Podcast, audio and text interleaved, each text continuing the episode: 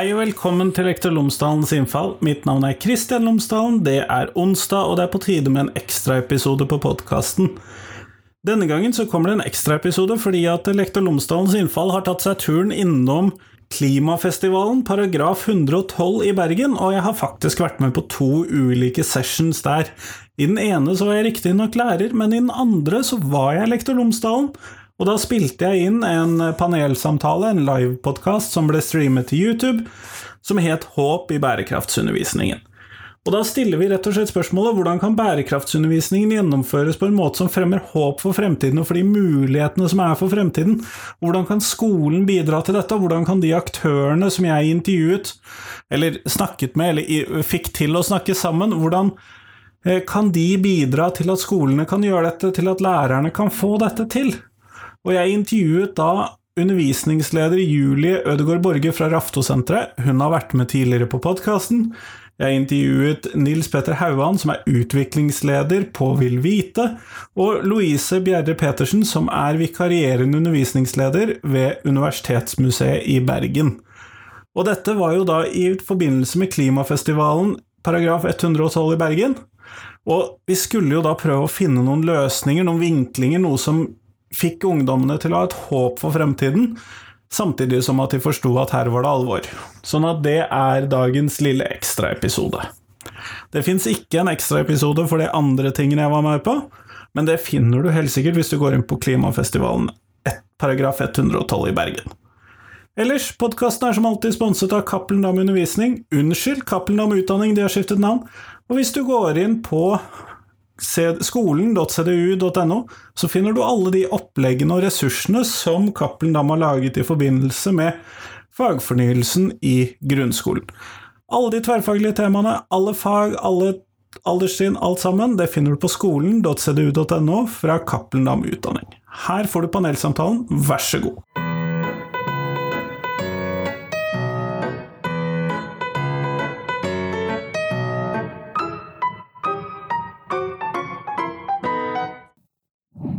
Hei og velkommen til denne livesendingen med Lektor Lomsdalens innfall.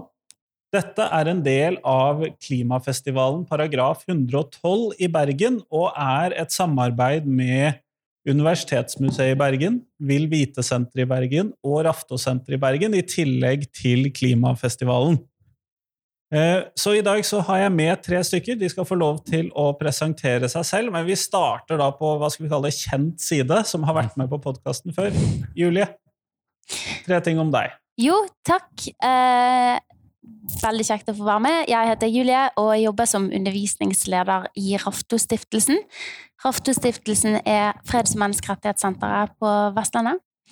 Uh, og jeg er samfunnskunnskapsdidaktiker, uh, og har uh, en, en spesiell interesse for politisk forståelse blant unge og demokratilæring i skolen.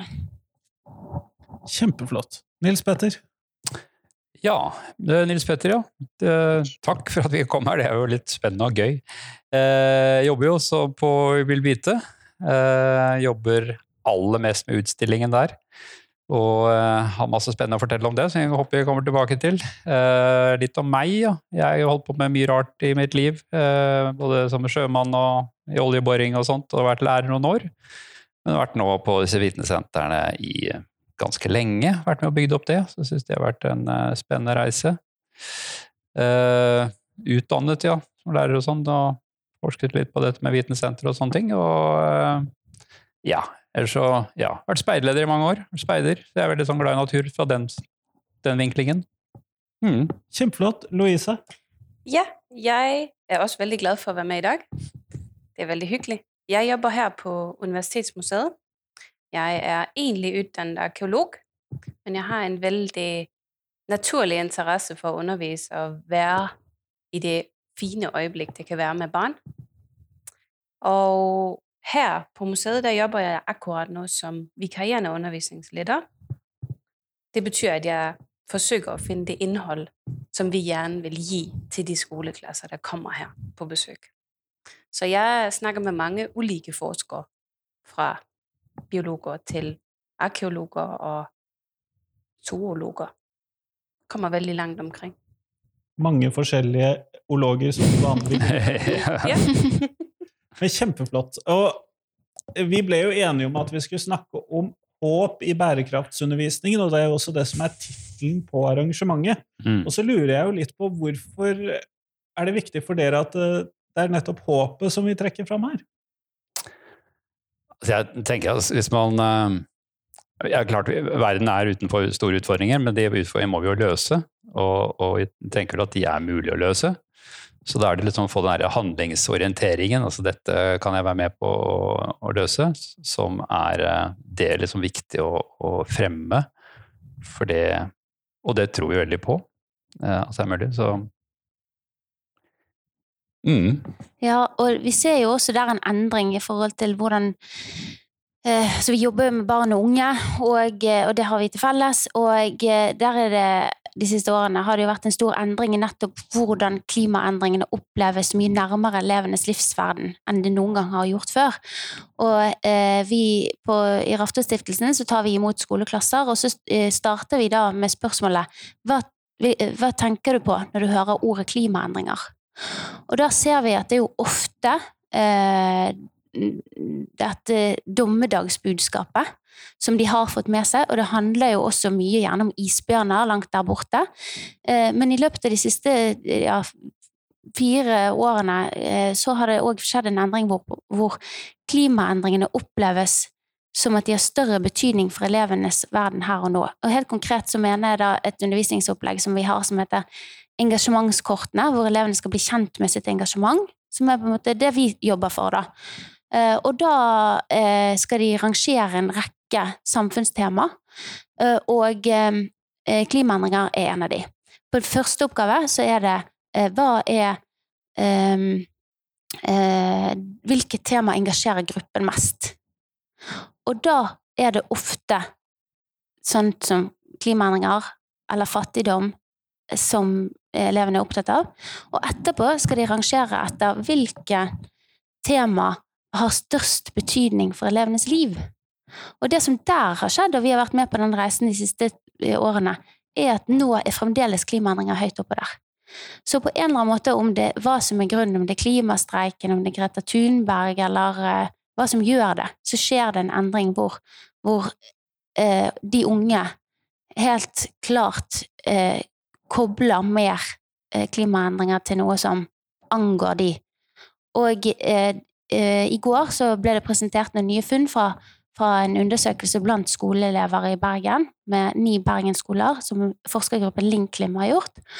Og de fant jo òg nettopp ut at eh, i forhold til 2013 så har de unge, selv om tallene ikke er direkte sammenlignbare, mindre tro på egentlig håpet og fremtiden, og særlig teknologien som en løsning i det. da. Og derfor tenker jeg vi har en kjempejobb å gjøre, men òg en stor mulighet til å, til å prøve å løfte fram håpet. Sånn at dette med håp i bærekraftsundervisningen handler kanskje mer om at eh, man ikke skal frata ungdommen et ønske om å gjøre noe for at dette faktisk skal endre seg. Da. Er det slik jeg skal forstå det, Louise? Ja, altså vi vil jo gjerne gi de håp gjennom forskning da. på lik linje med, med Julie og Niels Petter. Vi vil gjerne vise de den forskning som foregår ved Universitetet i Bergen, men den blir på en måte både kogt inn, men også lagt fritt frem til eleverne, sånn så de kan danne seg en mening. Og de kan se, hvordan henger det her sammen med meg? Hva betyr det for mig, når jeg går ut av den dør vekk fra Louise? Hva betyr plastvalen for meg? Um, ja. Ja, så er det jo litt sånn, jeg føler jo det at eh, altså, eller Vi har holdt på med en ny utstilling nå som, om dette med bærekraft og naturbevissthet og sånn, og da har gått ut og spurt elever eh, og, og ungdommer eh, hva de tenker om bærekraft, og hva de brenner for, hva de er nysgjerrig på og sånt noe. Så gir jo det litt håp med at de er veldig engasjert og ønsker å vite, ønsker å på en måte få kunnskap og, og finne ut hva de kan bidra med osv. Så, videre. så det er så hvis liksom skolen og vi klarer å ta inn over oss den uh, nysgjerrigheten og vitelysten og positiviteten som de kommer med, uh, så tror jeg det er et, så er det et viktig potensial for oss. Uh, og samtidig, når de er så framme i disse skolestreikene og andre ting, og, og, pusher oss, eh, både voksne, foreldre, industri, politikere og sånt noe, at vi på en måte eh, tar det litt på alvor eh, og bygger noe eh, positivistisk rundt, eller positivitet rundt det, eh, følger opp det, så, så, eh, så, tenker jeg vi har store muligheter til å skape engasjement, skape positivitet og redde verden. Men dere representerer jo tre ganske ulike typer institusjoner, og jeg mistenker jo at dere ikke hva skal vi kalle det, har det samme fokuset i det som dere presenterer til eh, ungdommene. Sånn at eh, hvis vi da starter med deg, Louise, og så går vi den veien og så, hva, hva slags opplegg, eller hva slags eh, utstilling, eller hva er det som dere kan presentere for uh, lærerne og for skolene og for de unge i denne sammenhengen? Ja, vi har jo vår eh, aller største kommunikasjonsvåpen, for å si det sånn. Det er plasthvalen. Og den kom jo inn på Sotra for noen år siden. Og den åpnet jo litt øynene på oss alle, fordi den lå der med magen fylt i plast. Så der har man jo en mulighet både for å løfte pekefingeren, men også for å si hva, hva, hva betyr det her, hvordan kan vi diskutere det her. Og det er jo det forskerne gjør ved universitetet der. Men vi tar det jo så til undervisningsbruk og prøver å eh, la de minste de får lov å, å rote rundt i bæsj fra dyr som bor i havet. Men det er der melis og kakao med plastbiter. Men det er jo fordi det, altså det er jo gøy for oss alle å få lov å rote litt med hendene. sant?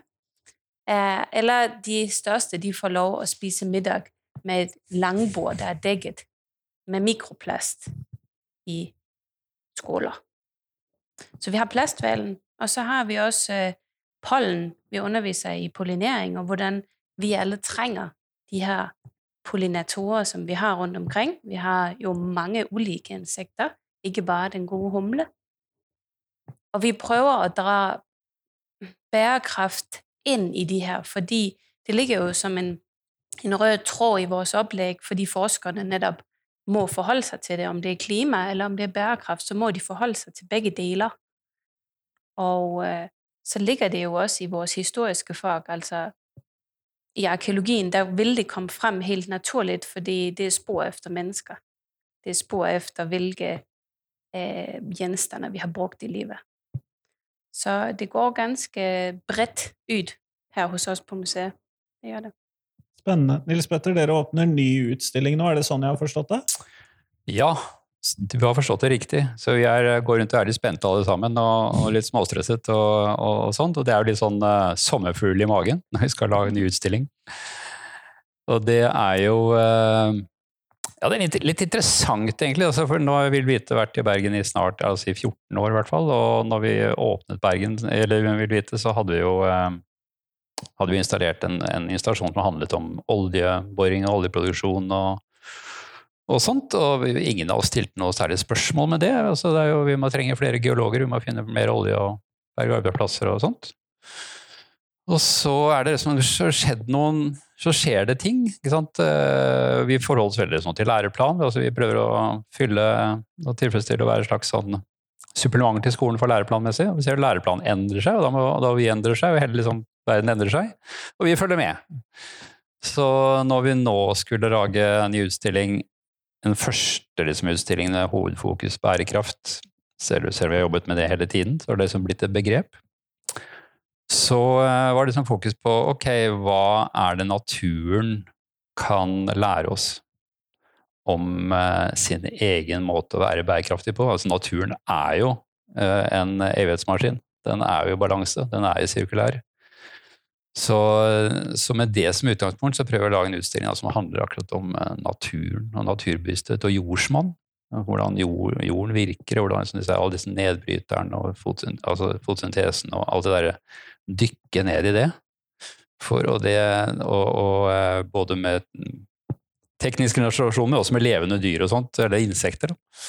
Uh, vi, altså vi er masse ting vi ikke har gjort før, så det er jo det, er jo det vi liker best. Gjøre ting vi ikke har gjort før. Uh, med læreplan i ryggmargen. Uh, men også prøver å, men også den handler om innovasjon. Da. Altså eksempler på ting man kan gjøre og lære av natur, som er i sin balanse og, og, bærekraftig. Sånn som å lage mat av, av boss, og, eller søppel, som det Men her i Bergen heter det Boss. det er lov å si Boss på podkasten, har jeg oppdaget. Ja, ja, ja, så bra. Fra Boss til mat, en illustrasjon. Og vi skal også ha et, noe vi har kalt for innovasjonstorg, som er også en ting vi er veldig veldig spent på hvordan det går. Hvor liksom vi ønsker at uh, næringsliv og organisasjoner og, og forskere og, og, skoleelever og alle som holder på med noe som har noe med innovasjon og grønt, stiller ut sine tanker og ideer for det. Så det er uh, veldig masse ting, men grunnleggende finne ut hva er det naturen gjør, hva kan vi lære av det, til å bli innovasjon. Og i neste fase går vi mer på energi- og klimaproblematikken. Uh, med denne håpende foten i hva er det naturen gjør, hvordan virker naturen? Hvordan er det treet klarer å lagre CO2 i soppsystemet sitt, f.eks. Ja. Mye spennende som jeg ikke kan så mye om, hører jeg jo her, da. Ja, jeg har lært meg mye. Jeg er jo fysikk som er bakgrunnen min, så det er jo morsomt å, å kaste ut et biolog, biologfag. Men det er jo som du sier, det er jo heldigvis mange forskere rundt omkring, så vi har hatt kontakt med flere organisasjoner, og forskningsinstitusjoner i Bergen og i Ås og Oslo og rundt omkring. Det er en spennende reise det har vært. Julie, dere har jo en litt annen inngang enn dette. Ja, og så hører jeg at det er forskjellig på mange ulike vis. For det første så får jo Nils Petter lov til å lage en utstilling. Yeah.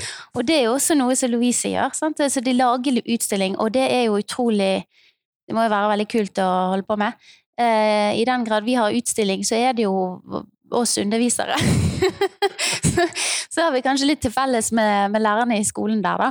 Eh, og så møter vi elevene til dialog, og vi har som motto at elevene skal få bli kjent med engasjementet sitt gjennom undervisning uten klare svar. Så det som er krevende for oss, og vi jobber mye med i forhold til bærekraft og undervisning, eh, og egentlig gjennomgående når det gjelder demokrati òg, det er den balansen mellom det normative, eh, hvor vi kommer med at vi mener vi har noen klare svar her. For det har vi jo ikke.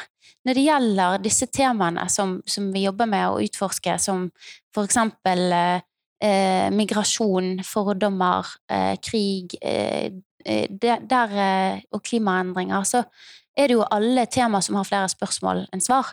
Så derfor så jobber vi med elevene med å, med å snakke sammen, egentlig. Og så er det stasjoner og forskjellige øvelser som legger opp til diskusjon.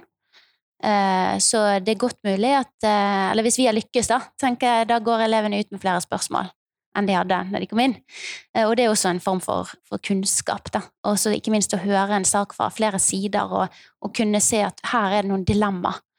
Så dilemmaene våre også som undervisere har jo vært å nettopp stå i hvordan kan vi motivere unge til å handle uten nødvendigvis å si hva som skal gjøres, for det vet vi jo heller ikke svaret på. Så der, Derfor sier vi 'bli kjent med engasjementet ditt'.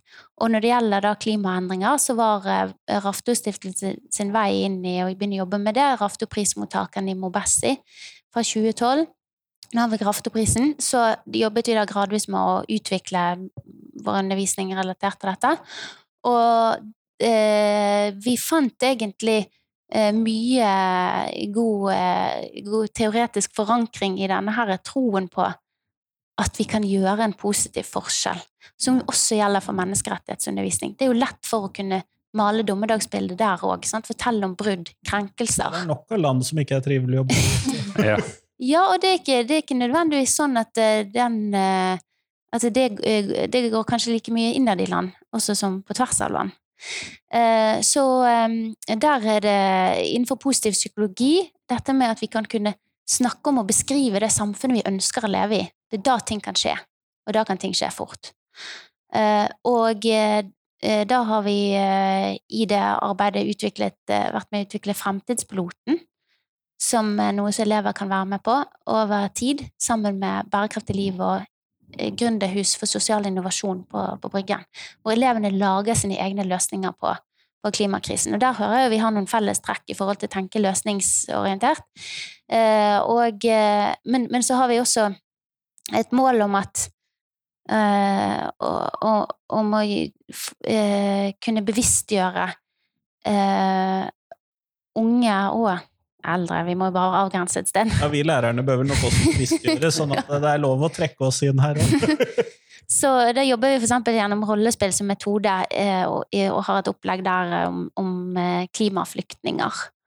Um, og det er et veldig populært tilbud hvor, hvor nettopp det vi utforsker det begrepet. Hva er egentlig en klimaflyktning? For det er jo noe som vi snakker om, men som faktisk ikke fins. Altså, de gir ingen beskyttelse i, i FN-konvensjonen med å være en klimaflyktning. Har du ikke noe sted å bo fordi det kommer bølger med hav, større og større, skyller over, eroderer bort jorden du trenger for å dyrke, så er det ikke grunn nok til å kunne få opphold noe annet sted. Så det, så det er jo en slags dommedagsbudskap i det, sant? Mm. Samtidig som, som, som vi syns, syns liksom er krevende, og hele tiden jobber for å, for å se at eh, det gir også muligheter for å løse en del problemer på systemnivå. Så den koblingen både mellom det normative og samtidig ikke, og, og det der å ha eh, mellom individ og system, det, der kan du vel kanskje plassere oss litt, hvis du Har lyst til det? Ja. Men vi har jo en eh, vi har jo da fått denne fagfornyelsen som har da bærekraft inne som en av disse eh, tverrfaglige temaene. Mm. Eh, i den overordnede delen av læreplanen. Mm. Og hvor dette da trekkes inn og skal puttes inn i ulike fag, ligger det noen utfordringer eller muligheter der for å skape da dette håpet i, i dette, da, eh, Nils Petter? Altså, altså, som dere hører, så er det jo altså, Vi jobber jo litt i to forskjellige sfærer, på en måte. Altså, vi er det sånn naturfaglig og fakta, og, men du er på den samfunnsfagdelen og, og, og det er jo sånn at disse løsningene eller problemstillingene ligger jo liksom i skjæringsfeltet her.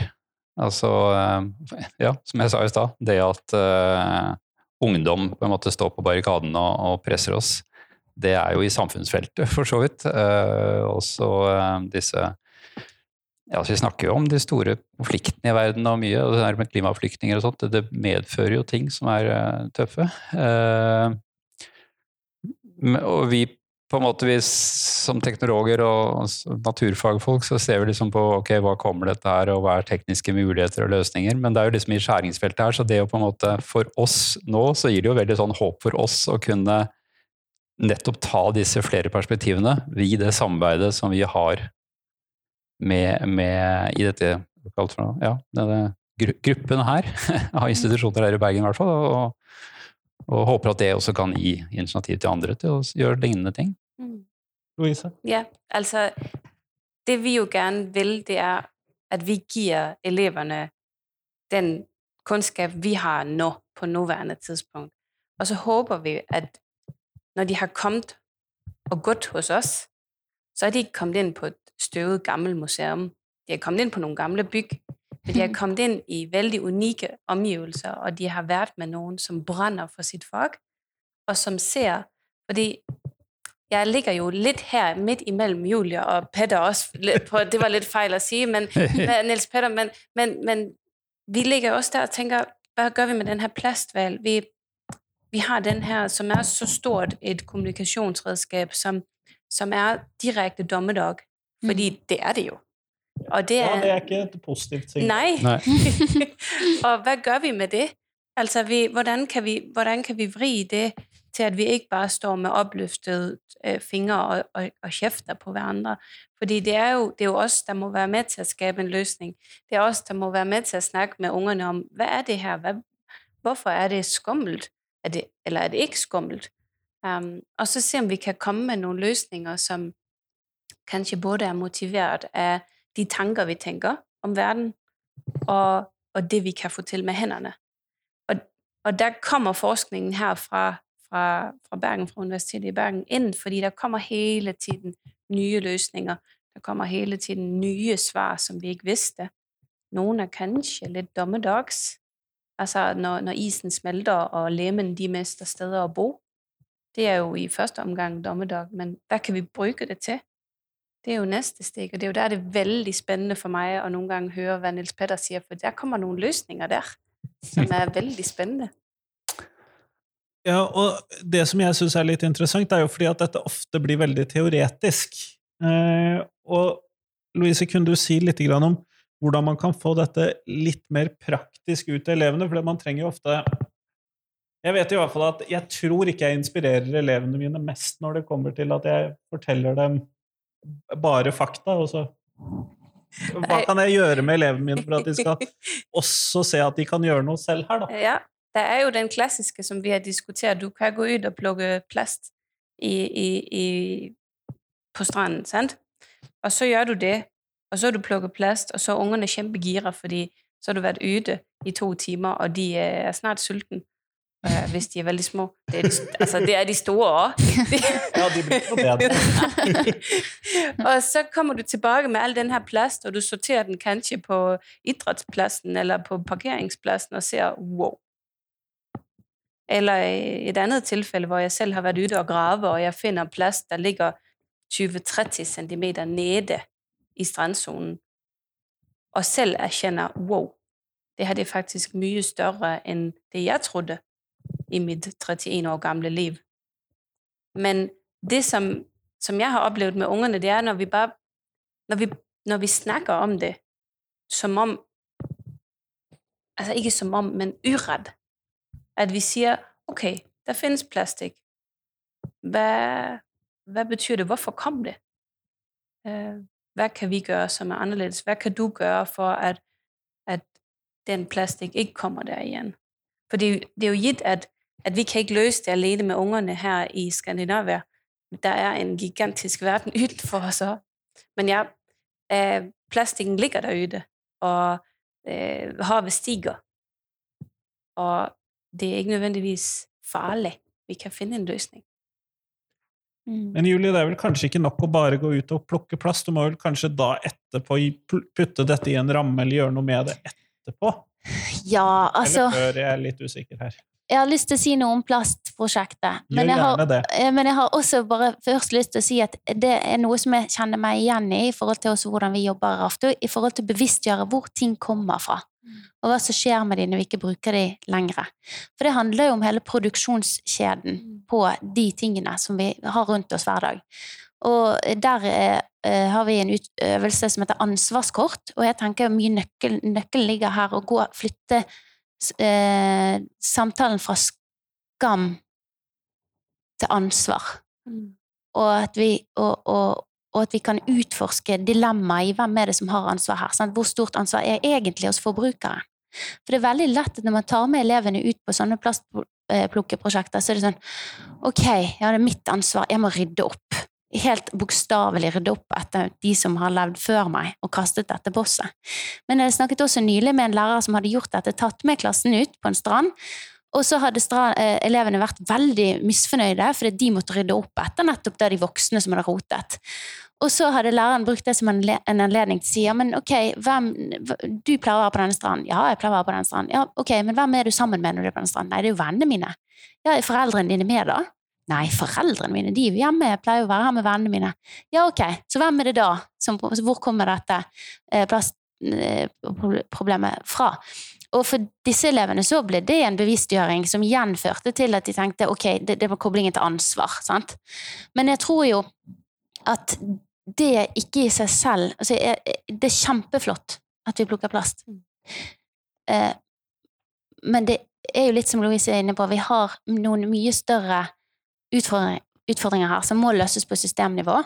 Og ved at vi bare shamer de unge til å ta mer ansvar, så får vi eh, ikke eh, Kanskje det kan motivere noen. For motivasjonsteori det er noe som jeg har jobbet en- del med, så kan du ha ulike perspektiv der. Sant? Så noen kan bli motivert av nettopp plasthvalen. Av mengden plast når du ruller det ut.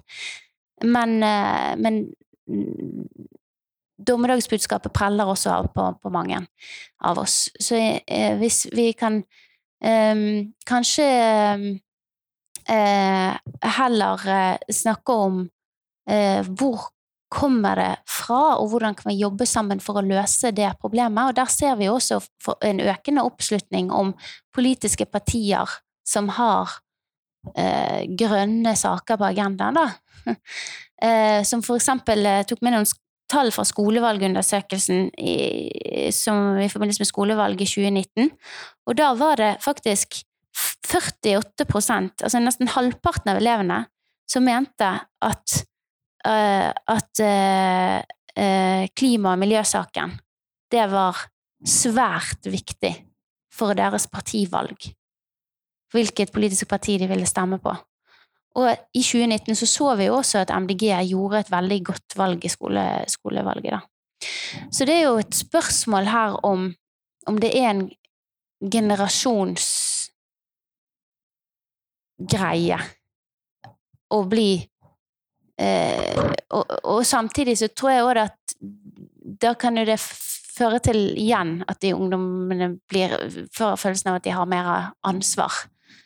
Men eh, ja, vi jobber på flere nivåer på en gang, og for å bringe tilbake litt i håpet, da, så er det sånn at når vi da snakker om f.eks. mobilproduksjon, hvordan blir mobilen laget, så legger vi jo alltid vekt på hva er det som er positivt med mobilen? Hva er det, det som er bra som mobilen kan føre til også, selv om det er alvorlige menneskerettighetsbrudd som blir begått i denne prosessen? Med, øh, og så er jo spørsmålet hva kan, vi, hva kan vi gjøre? Og hva kan mobilprodusentene gjøre, hva kan forbrukerne gjøre, altså hva kan de ulike leddene være med og bidra til? Eh, ja. Nils Petter? Ja, altså det, ja, altså det er jo ikke noe triviell problemstilling du tar opp. ikke sant? Hvordan, uh, men uh, altså vi begynte prosjektet vi snakket om i stad, så, så, så, var det jo på en måte klimasyk... Eller han Stoknes vi leste oss opp på, mm. blant annet. Og, og, han er jo veldig fokusert blant annet på å løfte frem de positive tingene som skjer, tross alt. Eh, og, og, det skjer jo veldig, veldig mye positivt rundt omkring. Altså det, det, er jo på en måte en helt annen bevissthet i, også i min generasjon. Tør ikke å si deres vår, men min generasjon. på denne problemstillingen på politisk nivå og, eh, og i EU, sånn, som setter veldig sånne krav til sirkulær økonomi. og det, det skjer jo veldig mye spennende. altså ja, dette med sirkulærøkonomi og det at man ikke skal bare kaste og forbruke, men må gjenbruke og kanskje ta vare på så lenge som mulig og, og sånt, og at det lages økonomiske systemer på det. Noen firmaer sånne Deloitte og sånn, som jeg tenker mest på som sånn økonomikonsulenter og personal, altså de også la, begynner å involvere seg i dette her. ikke sant? Og, så det, det skjer mye positivt. Da vet du at det er endring. Da vet du at det er endring, når sånne som min generasjon begynner å ta dette på alvor. Så jeg tror å, å løfte fram det for de unge, men, eh, og folk generelt, men også da plassere, klare det å plassere hvordan de har sin rolle i dette her, så det ikke er noe annet som skjer, men altså deres Koble dem til det, er da en viktig grep som vi prøver etter beste evne å få til. Da. Eh, men eh, som du sier, det er ikke noe triviell ting, men dette er en eh, spennende utfordring. Jeg har flere praktiske innfall her. Fordi Julie sier jo hvor, hvor, kommer det fra? Hvor kommer, hvor kommer det fra? Det er jo et punkt vi må vite først. Og da må jeg jo bare dra på at jeg er arkeolog. Ja, det var det jeg tenkte og, at du kom til å gjøre. det, det, det, kommer naturlig inn i alle samtaler for meg. Det gjør det. Altså når vi står nede i steinalderutstillingen, og vi ser på denne tidstavle som går 10 000 år tilbake i tid, det er veldig abstrakt. Uansett om du er 5, 14 eller 60. Det er veldig abstrakt. abstrakt. Men når du tenker over det, og du ser på den, så ser du altså i 6000 år har vi mennesker bare brukt stein. Det var vores primære objekt. Vi brukte det til mat, til jakt, til alt hva vi skulle bruke. Så begynner vi å bruke litt metall langsomt i form av bronse, som er veldig skjør. Det går ikke så bra. Og så går vi over til jern. Og så innenfor de siste 200 år så er plastikken kommet. Og når du ser det i 10 000 års perspektiv, så blir plastikken veldig lite. Men det kommer fra det her Vi kommer fra en utvikling hvor vi mennesker vi har gjenbrukt. Vi har brukt tingene for at det skulle bli brukt igjen lengst mulig, fordi det var kjempeslitsomt å lage en steinøks. Det kunne altså godt ta et halvt år, og du måtte jobbe tolv timer hver dag. Så du hadde ikke lyst til at den skulle kastes. Du hadde ikke lyst til at, at du bare skulle ha noe for å ha det. Det måtte ha et formål. Og den vinkel med arkeologien, den forsøker jeg jo i hvert fall å få frem for de elever jeg snakker om, at den her øks den tok så lang tid å lage. Hva tror du da? Var du veldig glad i den? Det var du jo. Fordi du kunne, lage, du kunne kanskje lage den selv. Så det er jo et perspektiv fra, fra min faglige bakgrunn der. Jeg har faktisk aldri tenkt på at det tok lang tid å lage steinøkser. Det burde jeg ha tenkt på, men Ja. jeg har ikke tenkt på det. Men Nils Petter, Ja, du, altså det du sier forteller om der, det er jo liksom noe som vitensetterne har holdt på med vel, eh, altså, hele tiden, men det der med å skape ting med hendene, eh, og forhold til hvor ting kommer fra, hvordan ting blir laget, og helt til de der, det kreative med å bruke hendene, som vi liksom på en måte liksom prøvde å flagge høyt hele tiden, eh, som også sklir over i dette med, med programmering og sånne ting, men det å liksom lage og gjøre, produs- det er jo noe som jeg tror altså som vi prøver, Eller tror og prøver Men altså, det har noe med Jeg kan skape noe-følelsen, og jeg kan bygge noe. Og sånn I forhold til plast så prøver de liksom å lage, bruke restavfall, eller restplast til at de skal begynne å lage nye båter og seile rundt med og, i våre kreative verksteder og sånne ting. Så, så den eh, løsnings, altså løsningsorientering handler om noe om å det, dette kan jeg lage et nytt produkt av, dette kan jeg gjøre noe. Så det å koble på den håndverk som vi mennesker har holdt på med bestandig, som vi liksom er i ferd med å glippe, kanskje spesielt skolen, de siste årene, det, det har vi veldig tro på er veldig viktig i denne sammenhengen her også. Da. Og da vil jeg bare legge til når du sier det, at eh, det trenger jo ikke være så veldig vanskelig heller. Altså, sånn som vi har løst det med, med innovasjonsmetodikk i forhold til dette med å utvikle egne løsninger for klimakrisen. Da har elevene brukt Lego. Lego til å bygge eh, for eksempel en, eh, en eh, matsvinnsordning som de viser gjennom legoene, eller brukt eh, papphylser og konseptutvikling, rett og slett? ja, sånn for å lage en prototype. Ja. Ja. Og, og der, for eksempel for en skanner som butikkene kan ha, sånn at du kan skanne varene og se er denne laget på en klimavennlig og etisk måte. Eh, og så beeper han rødt veldig høyt. Hvis det Men, eh, og en annen idé som elevene kom på, det var å lage Og det syns jo egentlig vi var veldig sånn crazy idé. Da hadde de laget et langt eh, rør, og så skulle en løsning for transportproblematikken. Så skulle de da eh, skyte folk mellom eh, med, med sånn luft fra den ene siden til den andre. Og alle bare ja, ha-ha, det var jo en veldig morsom idé, og, og helt usannsynlig. Så kommer Elon Musk da uken etterpå med en sånn type løsning. Så jeg tror jo, og kanskje særlig en hypotese, eh, ikke faglig forankret, men altså jo yngre du går, jo mer sånne kreative løsninger finnes der. Fordi jo eldre vi blir, jo mer sosialisert er vi jo til å tenke på hva som er normen, og hva som er mulighetene inni boksen. Men jeg har litt lyst til å gå videre, Nils Petter, men du skal faktisk få ordet, og det er mulig at du klarer å flette inn kommentaren din inn i det jeg spør om, men eh, fordi at jeg syns det var en perfekt overgang. For det er teknologiutviklingen, er den det som redder oss, eller er det liksom eh, er, er det noe håp i det, eller er det et eh, håp vi hviler litt for mye i? Nå spør du en teknolog om det. Om det. Ja, jeg, jeg, vilje. Du spør en teknolog om det. Eh, ja, altså der kan vel sikkert eh, vi krangle på bakrommet etterpå, men jeg, jeg tenker vel at eh, utfordringene vi har nå, er ganske store, som handler om oss mennesker som forbrukere, og at vi blir mange, eller er mange, og blir flere. Og, og flere ønsker å løfte seg i rikdom. Så å gjøre Og at vi på en måte Altså skal en del til til å få folk til å forlange mindre, på en måte. Ja, det tror jeg er en hard jobb. Det tror jeg samfunnsviterne kan underskrive på. Ja, eh, så da må man liksom tenke litt andre løsninger, tror jeg. Som om det Altså det var spørsmål litt begrepet teknologi også, men ja, bare dette med, med, med sirkulærøkonomi, for å ta det som, så skal du jo da uh, ta noen uh, på en måte aluminiumsbokser eller sånt, og så skal du konvertere det til noen nye aluminiumsbokser. Og, og, det er jo teknologi, på en måte. og Du skal plukke ting fra hverandre og sette ting sammen på nytt med nye materialkombinasjoner og, og sånt. Det er jo teknologi. Uh, vårt eksempel som vi prøver å vippe til å bli en realitet, dette med Boss til mat. Altså det går an å lage sånne løsninger ved hjelp av teknologi. Som, uh, men altså det, grunnleggende sett så har det jo med, med kunnskap om hvordan naturen virker, men også selvfølgelig en forståelse av at dette her er nødvendig. For tingene blir ikke billigere på den måten. Altså det er en, det er en eh, som, som, konsumenter så må vi ta inn over oss at det, det, det koster å bruke ting.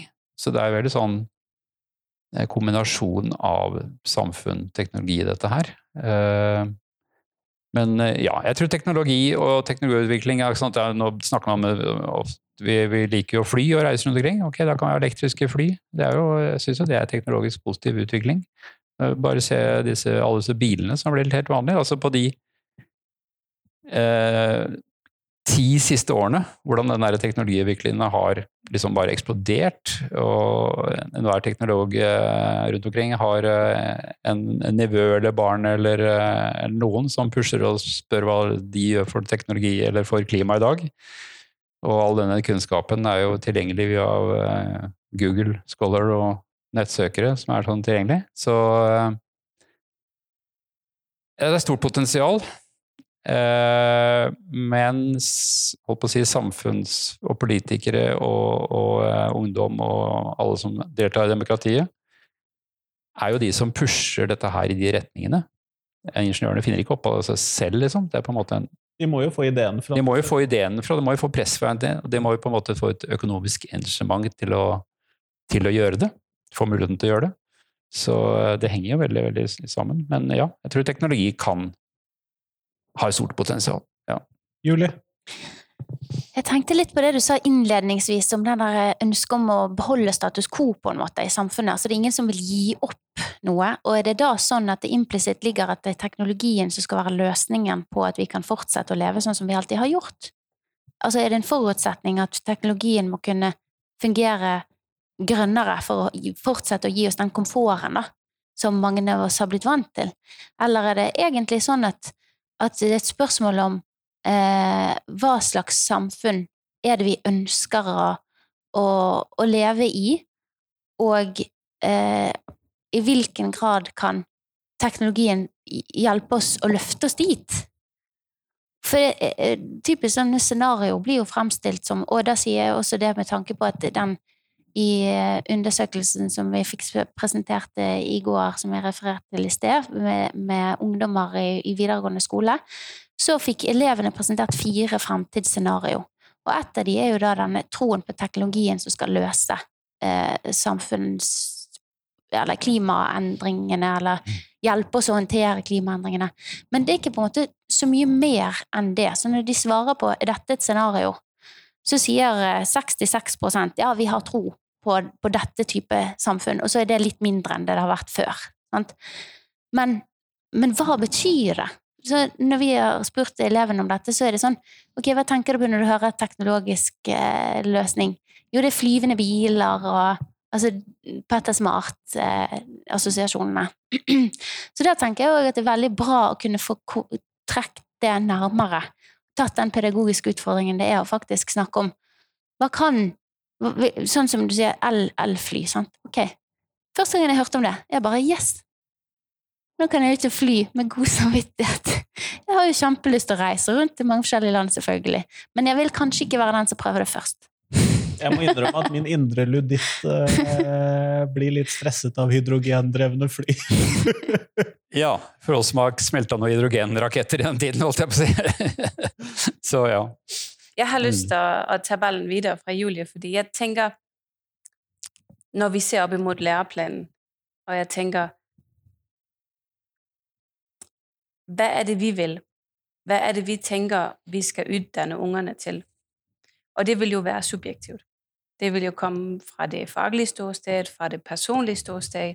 Altså, alt vil jo komme med en mening om, at nei, jeg vil ikke ha en teknologisk løsning.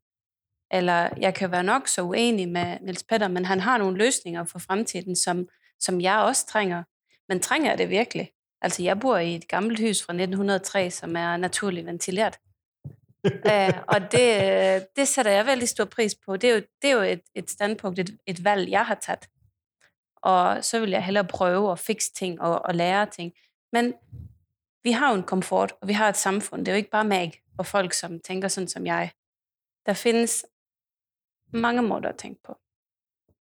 Men jeg, når jeg snakker med barn, så har jeg veldig lyst til å eh, påvirke det i en retning, hvor det ikke kun handler om ting. Til trods for, at jeg er arkeolog og har jobbet med objekter og ting, så synes jeg, det er det større perspektiv, som er viktigere. Fordi det er samfunnet vi utvikler. Det er den dag i morgen, som, som også har en innvirkning. Det er, det er på tværs mellom teknologi og det, som skjer inni i dag. Det, som skjer inni i de tanker, du gør deg om den verden, du lever i. Nu kom jeg jo ut i noe veldig småfilosofisk her. Men det er jo det, som skjer inni i hovedet, når jeg står med en klasse. Så hvordan sier jeg det her nå? Mm. Nu siger jeg det her, nu påvirker jeg de her 30 unger til at tænke, hvis de hører efter. Der er en chance for, at de hører efter, og de husker det her. For hun snakker jo dansk, så de må jo høre efter. ja. Der driver jo vi og trener oss på å være stille. så vi vil stå i den stillheten og la elevene tenke høyt da, og diskutere seg imellom. men det kan jo også være ganske vanskelig å, å vente på. Ja. Nils Petter, du hadde en kommentar? Nei, Jeg hadde bare liksom ikke lyst til å bli sittende igjen med han som er den elektriske flyene og sånn. Så, jeg, bare sånn, jeg bare betrakter at jeg er veldig opptatt av å ta vare på naturmangfoldet og livet i jorden og hav. Altså, det å forstå, og hvordan å prøve å få frem oss den derre Hvordan vi mennesker på en måte er avhengig av natur, at vi er natur. Eh, og, og at vi bare det å dyrke nok mat som er sunn, mm. uh, og den kunnskapen som alt det kreves, uh, og den biologien det krever, uh, det er Jeg vil bare få sagt det. Men, og det er jo ingen tvil om det, fordi at teknologien har jo på mange måter ført oss dit vi er, så mange som vi er, og med det forbruket som vi har, men ja. det kan jo også vi har jo sett over tid at teknologien også har muliggjort dette, og også har reparert noe, i hvert fall, eller muliggjort ja. no, noe av dette. Sånn det er jo et tveget sverd. Det er et tveget sverd, absolutt. Eh, men Juliette Ja, jeg bare tenkte på noe Louise sa i sted som jeg hadde lyst til å si at jeg egentlig syns var ganske håpefullt. Og det er jo det at når jeg tidligere har sett altså hva er det arkeologene i fremtiden vil finne om oss? Og det er plast. Det er jo skikkelig deprimerende greier. Men når du snakket om det nå, og det er det jeg likte med litt det filosofiske også, sant? det er jo at hva Ja, det er det de vil finne. Det var de 200 årene. Det er jammen meg ikke mye et langsiktig perspektiv. Og nå har vi jo faktisk fått til eh, ganske store endringer der òg, eh, bare å eh, Bare med tilgangen på engangsbestikk i plastikk er jo forbudt eh, å bruke videre. Bursdagsselskapene blir jo kanskje bitte litt mer vasking involvert, men, men altså der skjer det jo ting. Så det kan jo faktisk være bli brukt mer som en sånn, et tegn på at dette var en kort periode, og så nå eh, ser vi frem, og da eh, ja, tilbake til steinøksen. Arkeologifaget. Mm. Ja, uten at det betyr at vi må tilbake til steinøksene. sant? Det kan jo være noe helt annet som ligger foran oss. Mm. Det, ja, for det vil jeg jo også si. når det kan jo høres ut, som jeg sier, vi må tilbake til steinalderen. Vi mm. må tilbake og bo i super naturligt ventilerte hus, og vi må ha gjørme på væggen. Det kan man også, men der er mange løsninger på at ta det steget og være nærværende i, hva det er, man gør. Hvordan man forholder seg til bærekraft, og det, at vi er så mange mennesker på kloden. Og det, som er så fint ved å sidde her, det er jo, at vi vi diskuterer, og vi ser det fra ulike perspektiver. Og det er jo det, som jeg som, øh, som universitetsansatt er vant til, fordi vi har så mange faglige grener, vi diskuterer med, før vi finner en løsning. Og når vi så sitter her med tre ulike institutioner, og tre ulike på noen punkter måter å gjøre ting på, men vi finner alligevel en fælles vei og et fælles mål, så må vi jo nærme oss noe vi kan gi håp. Altså vi, på en måte vi kan gi håp til, til ungene og til, til lærerne som tenker Åh, hvordan skal jeg forholde meg til det her giftige begrep, som er litt Mm. brannfarlig. Eh, Julie, det er en ting jeg ikke har spurt deg om ennå, og det er jo rett og slett det at jeg forbinder Raftosenteret med menneskerettigheter. Mm. Men hvordan er koblingen her inn til dette? Mm. Og den Det var litt som det jeg nevnte i sted, med altså Hvis du bor et sted hvor du ikke kan dyrke mat fordi at havet Du har så mye ekstremvær at bølgene blir så store at jorden eroderes bort. Altså det handler jo, Klimaendringer handler om våre menneskerettigheter. Det handler om retten til å sted å bo, til mat, til helse. Eh, Det handler om miljøproblemer som går utover alt, alt dette. Så det er vel kanskje noe av det som vi har mm, prøvd å nå ut med. Ved å si om igjen og om igjen at klimaendringer handler om våre menneskerettigheter.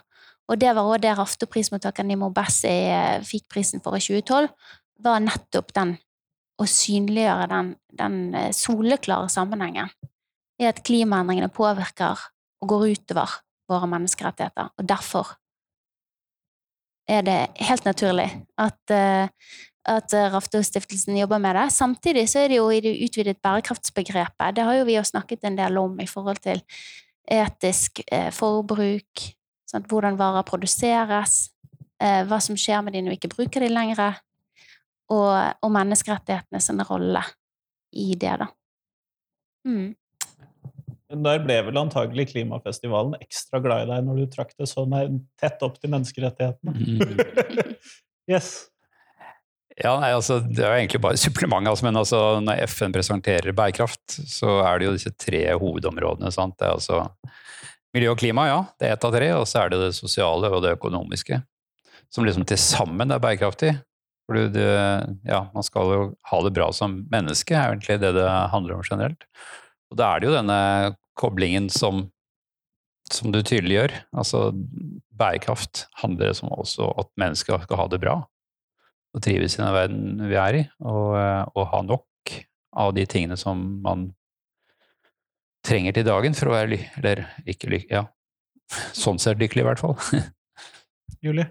Og da tenkte jeg bare på når du sier ordet bærekraft på den måten, altså det er jo noe håpefullt i det ordet. Bærekraft. Ja, ja, ja. Det er jo egentlig hele intensjonen, vil jeg jo si. Mm. At det skal jo være noe som bærer på en kraftig måte. Mm. ja. Mm. Vi går mot slutten av tiden som vi har satt av. Eh, Og siden dette da skal passe inn i podkastkonseptet mitt, så skal vi også selvfølgelig svare på det avslutningsspørsmålet. Og Louise, du kommer til å få det først, men hva er de tre viktigste tingene som skolen kan lære elevene? Ja, det måtte jeg jo øh, reflektere rask her. Så for meg så tenker jeg ballast, både som menneske og som fag. Altså du får en ballast som gjør at du kan gå ut i verden og, og klare det, og du har en viten som gjør at du lærer mer, kanskje. Det henger sammen med kunnskap, den neste ting, den andre ting. Og så har jeg lyst til å si nysgjerrighet, og jeg tror vi øh, de tre her i panelet kanskje er litt enige på den, men nysgjerrighet til å lære mer, det håper jeg Jeg håper søren meg at alle unger har det. Nils Petter? Ja, ja, det tok du der nysgjerrighet fra meg, ja. Men det, det, da bare gjentar jeg det. jeg tror kanskje det er eh, noe av det viktigste. Eh, men også liksom den gleden over å lære.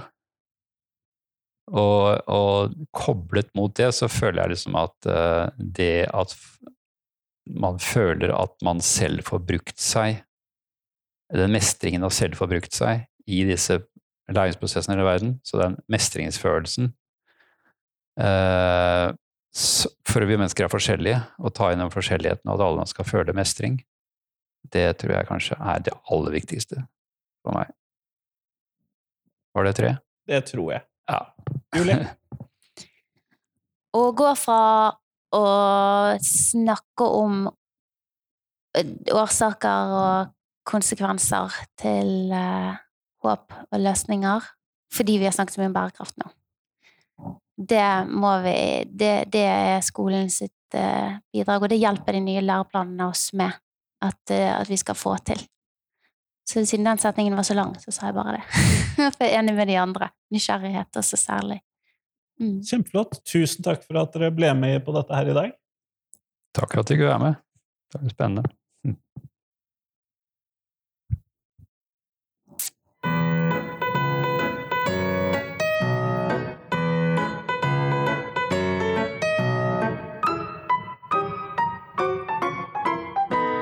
Tusen takk til Nils Petter, Louise og Julie, og tusen takk til deg som hørte på.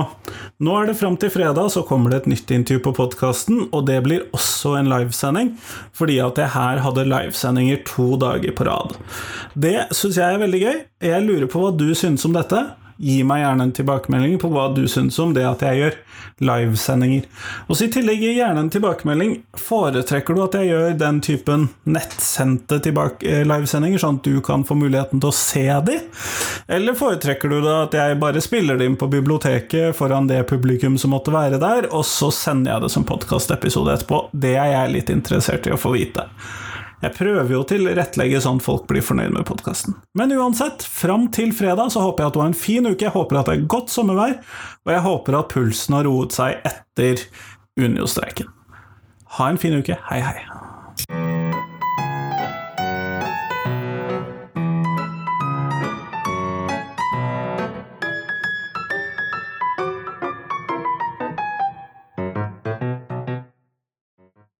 Husk at du kan gå inn på Instagram for å finne bilder av uh, Lektor Lomsdalens innfall.